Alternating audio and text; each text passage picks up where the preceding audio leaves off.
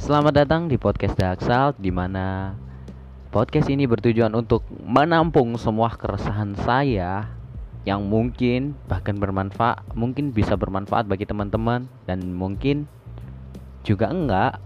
Namun setidaknya masih dapat dipetik hikmah-hikmah dari apa-apa yang saya obrolin di sini tentang hidup, tentang psikologi, tentang bagaimana cara menangani apa-apa yang harusnya mudah cuman dibuat susah gara-gara terlalu overthink. Oke, tanpa tanpa panjang kata lagi, selamat menikmati podcastnya.